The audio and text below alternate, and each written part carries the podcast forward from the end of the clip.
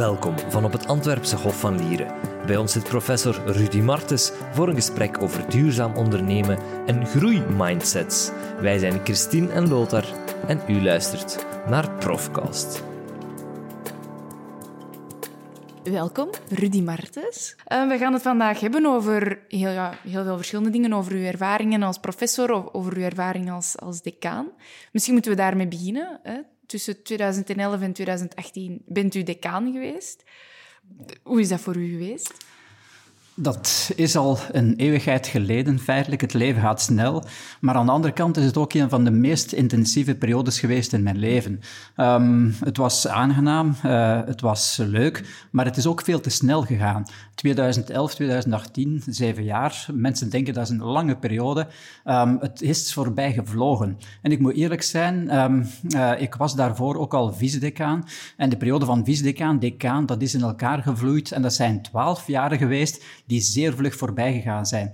Um, maar het is een van de meest verrijkende periodes geweest in mijn leven. Uh, aangenaam om samen te werken met uh, heel veel leuke en aangename collega's. Um, uh, dus het is een periode geweest, zeer intensief, maar ook wel met zeer zware uitdagingen. En mist u het om decaan te zijn? Wat zegt u? Mis, mist u het? Ah, ja. uh, nee, um, we moeten daar eerlijk in zijn. uh, een, een, functie, dat mis je niet. Je mist wel de ja. mensen. Uh, maar het missen van een functie zelf, een functie is maar een soort taak die je krijgt om uiteindelijk een organisatie toch wel een meerwaarde te gaan geven.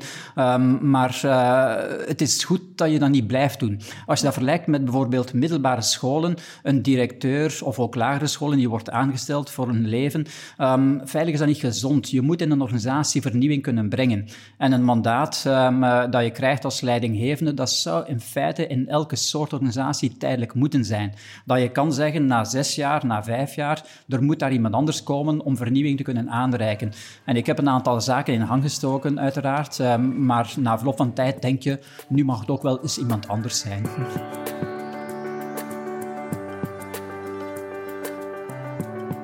Rudy Martens is al meer dan 40 jaar bezig met duurzaamheid.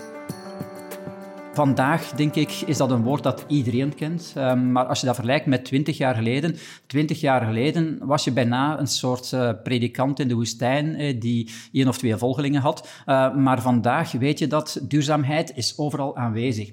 En zelf heb ik, heb ik um, wanneer was het? Acht jaar geleden, denk ik, die iWeek, International Week. Het is geen i van de iPhone, maar het is een International Week, maar een iWeek on Sustainability ingevoerd. En ook daar geprobeerd om zeer innovatief te zijn. Niet zomaar een cursus over een semester gespreid, maar een cursus in één week tijd, waar alle studenten dan van bedrijfskunde doorgaan met sprekers van zowel de bedrijfswereld als van de academische wereld.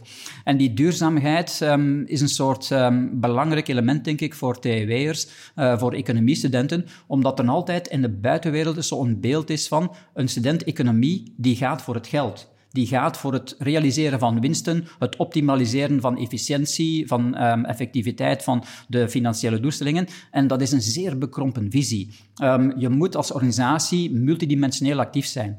En vandaag, denk ik, um, wordt dat algemeen aanvaard dat dat noodzakelijk is in heel veel vakken om erover te spreken. maar tien jaar geleden was dat veel minder het geval.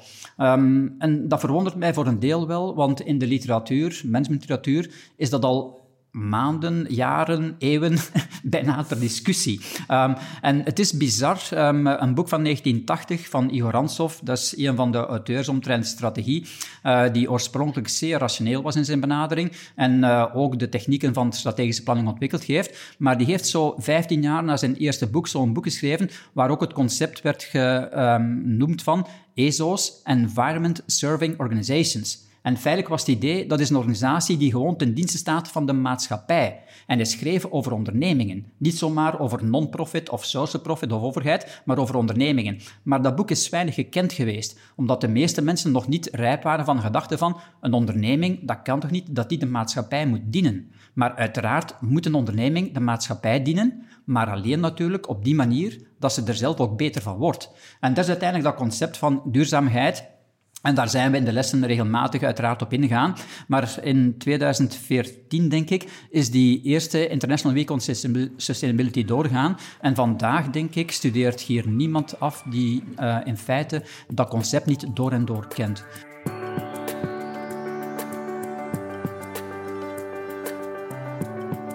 U blikt terug op een lange carrière, eh, ja. professor. Zijn er zo enkele hoogtepunten uit de afgelopen 40 jaar dat u denkt, ja, daar denk ik wel soms nog met een heel tof gevoel aan terug? Het moet niet één hoogtepunt zijn, maar heb je zo dingen dat je denkt van, ja, dat was nu toch wel een moment dat ga ik over 30 jaar nog weten? Uh, dat zijn feitelijk veel momenten hoor, maar de meeste momenten die bijblijven zijn natuurlijk de momenten waar je samen met collega's andere mensen kunt gaan vieren. Um, uh, uiteindelijk het menselijk contact, uh, de menselijke interactie, is een van de drivers, denk ik, uh, voor elke organisatie. En um, iets wat ik um, in mijn decaanschap ook heb ingevoerd, zijn prijzen, eh, awards. Eh. Een award, uiteindelijk, we moeten daar ook eerlijk in zijn, dat is louter symbolisch. Dat is een tap on the shoulder. maar het is verwonderlijk hoeveel mensen ervan houden om een tap on the shoulder te krijgen. dus het invoeren van prijzen en dan daar een formeel moment van te maken, waar dan de vijf beste voor een bepaald soort domein worden genomineerd. Je ziet die mensen glunderen. en uiteindelijk het gewoon, gewoon het geven van prijzen aan mensen die verdienstelijk geweest zijn, um, dat, is, dat zijn de momenten die zeker gaan bijblijven. Alleen heb ik er wel spijt van dat ik niet nog meer prijzen heb kunnen laten uitreiken. Ik zou voor alle domeinen, want ook daar moet je eerlijk in zijn, als je een prijzen uitreikt, moet je opletten dat je niet maar prijzen uitreikt op één domein, maar dat je op alle domeinen prijzen gaat uitreiken. En ik denk dat uh, onze faculteit zeker nog twintig domeinen heeft waar we prijzen kunnen uitreiken. Dat is wel zo. Hè? Iedereen hoort toch wel eens een keer graag dat hem goed bezig is. Ja. Dat is... En daar moet ik ook eerlijk in zijn, daar ontsnapt niemand aan. Hè? Elke ja. mens, ook ikzelf, ik hou ervan om soms complimentjes te krijgen. Ja, en mijn vrouw weet dat wel. in de faculteit is dus dat mopje, alleen mopje van het filmpje vorig jaar van de Rudy heeft iedereen prijzen gegeven, maar zelf heeft hij er nog nooit een gehad.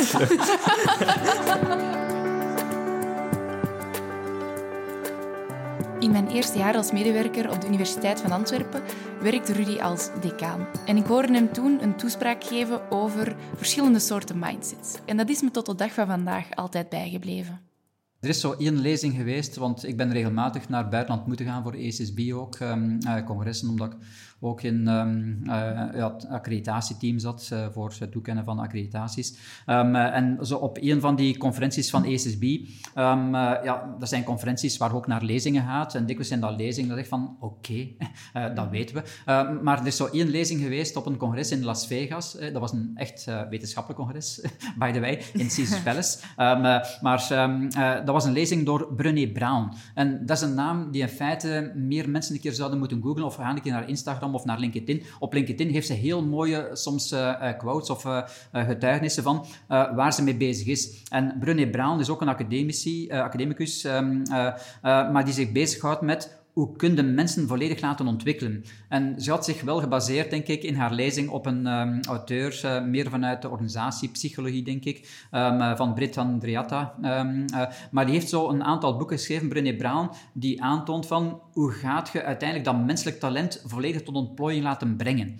en waarbij ze ook een zeer grote openheid heeft. En ik denk dat dat uh, zaken zijn die zeker voor Vlaamse um, uh, mensen zeer belangrijk zijn. Wij Vlamingen zijn bekend voor bescheidenheid, uh, soms angst om stappen te durven nemen naar ondernemerschap, om grote stappen te nemen in de richting van carrière. Um, en we moeten ook eerlijk zijn, de meeste jongeren hebben ook wel soms angst op het moment dat ze de eerste stap naar die bedrijfswereld moeten maken. En die angst is in feite normaal. Uh, en um, Brené Brown is zo'n persoon die uiteindelijk wel duidt van um, het is niet verkeerd om te zeggen dat je angstig bent.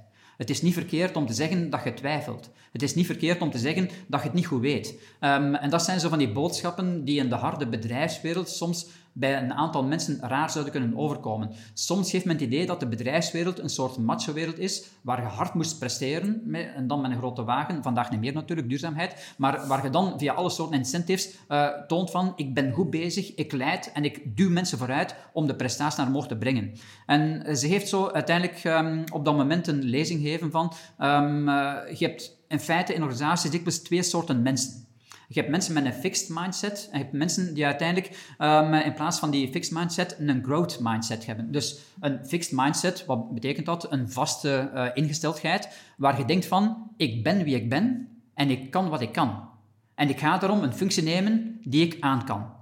Maar dat is een heel statische redenering. En zo hebben heel veel jongeren die dan een positie aannemen en die twintig jaar lang in die positie blijven zitten, omdat ze weten dat kan ik. Maar dat is niet waar een organisatie mee vooruit gaat. Je moet in feite een soort mindset creëren, een uh, growth mindset, dus een groeingesteldheid, um, waar je denkt van, ik kan misschien veel meer. En ik ga proberen leren en proberen alles ontvangen om te tonen dat ik mijn eigen talenten kan ontwikkelen. En mijn succes zal niet komen van mijn intelligentie, maar wel van mijn inzet en van uiteindelijk uh, mijn leervermogen dat ik zal opnemen door de vele falingen waar ik doorga. En ik zal uiteraard af en toe bepaalde fouten maken, omdat ik zaken doe die ik misschien nog niet kan. Maar oké, als ik ene keer iets fout gedaan heb, ga ik eruit leren en ga ik het de volgende keer misschien wel kunnen. Dus je gaat ervan uit, ik wil taken opnemen waardoor ik constant kan blijven leren en mijn talenten constant naar een hoger niveau kan zien evolueren. En ik moet daar eerlijk in zijn, um, de meeste mensen van nature gaan soms meer neigen naar een fixed mindset dan uiteindelijk naar een groeimindset omdat men soms bang is om bepaalde taken op te nemen waarvan men denkt van, ga ik dat wel kunnen? Um, maar als je niet probeert, uiteraard zal het ook nooit lukken. En een van de problemen is natuurlijk, in bepaalde organisatieculturen ga je soms merken dat fouten niet worden toegestaan. En als je in een organisatie zit waar fouten niet worden toegestaan, dan forceert je mensen om naar een fixed mindset te gaan evolueren. En dat is in feite een soort pleidooi dat we ook in alle lessen wel regelmatig herhalen. Je moet je medewerkers toelaten om fouten te maken. Als je een medewerker hebt en die komt bij u en je vraagt wat heb je gedaan dit jaar en uh, welke fouten heb je gemaakt en die zegt ik heb geen enkele fout gemaakt, dan moet hem een negatief rapport geven. Als je geen enkel fout hebt gemaakt, dan heb je geen enkel risico genomen, heb je niks geprobeerd, zij je gewoon bewandelde paden blijven verder gaan. En ga er nooit nieuwe paden gaan ontdekken. Dus feitelijk moeten mensen aanmoedigen om af en toe een risico te nemen. En als ze een fout maken, oké, geen probleem. Maar dan moet je natuurlijk altijd de vraag stellen, wat heb je eruit geleerd? En op welke manier kunnen we dat vermijden dat andere collega's diezelfde fout gaan maken? En dan gaat de organisatie naar een hoger niveau gaan. Dus uiteindelijk dat talent versterken door uw eigen ja, mindset te gaan aanpassen, dat is een zeer haalbare kaart. En zeker Vlamingen kunnen daar heel veel van leren. Vlamingen, denk ik, zouden veel meer moeten die groeimindset zich eigen maken. En dat zou het niveau van ondernemerschap in Vlaanderen naar een nog veel hoger niveau kunnen evolueren. Dat is heel interessant ook wel voor voor ons ook als mensen die in het begin van hun carrière staan. Ja, zeker vast. Ja. Alleen moet ik wel eerlijk zijn, niet alle bazen staan daarvoor open. Hè. Dus, um, en dan zou ik ook jongeren willen aanraden, als je een baas hebt die je niet toestaat van fouten te maken, dien uw ontslag in. Um, ik blijf daar niet werken. Als je een baas hebt die niet aanvaardt dat je een fout maakt en die uiteindelijk alleen maar verwacht dat je doet hetgeen dat de baas zegt dat je moet gaan doen, daar moet je niet blijven. Als je als individu geen eigen initiatief mocht nemen en als je niet af en toe een keer een foutje mocht maken, ga je ook niet bijleren. En ga je nooit het maximum bereiken van uiteindelijk je mogelijkheden. Want ik moet ook wel eerlijk zijn, ik ben hier als assistent begonnen in 1980. Eh, had je mij toen gezegd, ik ga decaan worden, ik had die gewoon in het gekkenhuis geplaatst. Hè. Ehm, eh, ja, uh, en, en dan merkte van, ik heb heel veel zaken gedaan in mijn carrière, feitelijk, maar allemaal zaken dat ik denk van, waarom doe ik dit? Daar ben ik in feite niet voor geschikt. Um, uh, ik was, um, en uh, ik heb uh, vorig, nee, niet vorig jaar, maar de, goede twee jaar geleden had ik zo'n bijeenkomst met een aantal collega's van het lager middelbaar. Dus u kunt zich wel voorstellen, allemaal mensen van rond de 60, um, van het lager middelbaar. Daar kom ik mee samen en plots wordt daar gevraagd in ieder om zich voor te stellen. En de helft van de oude leerlingen van mijn klasje van die tijd, die zeggen van, tja, is dat Rudy Martens? Ik was een hele stille. Ik praatte nooit. Ik was altijd aan het luisteren. Ik nam heel veel op, hè, maar ik praatte nooit. En dan bleef ik maar praten, wat ook soms wel vervelend is, moet ik ook eerlijk zijn. Um, maar, maar, uiteindelijk, um, je kunt evolueren. En uiteindelijk, je moet uiteindelijk je eigen paden voor een deel wel gaan uitstippelen. Um, ik moet wel eerlijk zijn, ik heb het voorrecht gehad om zelf mijn toekomst te kunnen bepalen. En vandaag, denk ik, in heel veel contexten, zijn je niet altijd in staat om je eigen toekomst te gaan bepalen. Alhoewel, je moet ruimdenkend zijn. Er zijn altijd meer oplossingen dan mensen denken. Dus als bepaalde zaken niet direct mogelijk zijn, denk een keer na hoe dat ze wel mogelijk zouden kunnen worden. En er zijn veel meer mogelijkheden dan mensen denken. Dus creativiteit zou op een veel hoger niveau moeten komen in organisaties om de talenten van alle jongeren 100% te laten ontwikkelen. En uh, ik krijg zelfs soms ook wel van alumni bepaalde soorten echo's. Um, ik zit in een job, ik doe de job goed, ik maak mooie uh, prestaties voor het bedrijf, maar ik leer niks bij. En dan is mijn antwoord altijd direct tegen hen, vertrek. Hè? Blijf daar niet langer. En inderdaad, uh, leuk om dan te zien na een half jaar op LinkedIn dat die personen toch wel een nieuwe job hebben in een andere context, waar ze tien keer beter uh, ontwikkelen en zelf hun talenten naar een hoog niveau zien evolueren. Dus um, als je het gevoel hebt dat je vastzit en dat je uiteindelijk niks bijleert, blijf niet in de job zitten. Ga ervan weg. Um, ik zelf denk ik heb maar één cursus gegeven in uh, mijn carrière die ik altijd ben blijven geven. Uh, voor de rest zijn het altijd andere cursussen geweest. Hè. Um, uh, als je altijd hetzelfde doet, it's boring.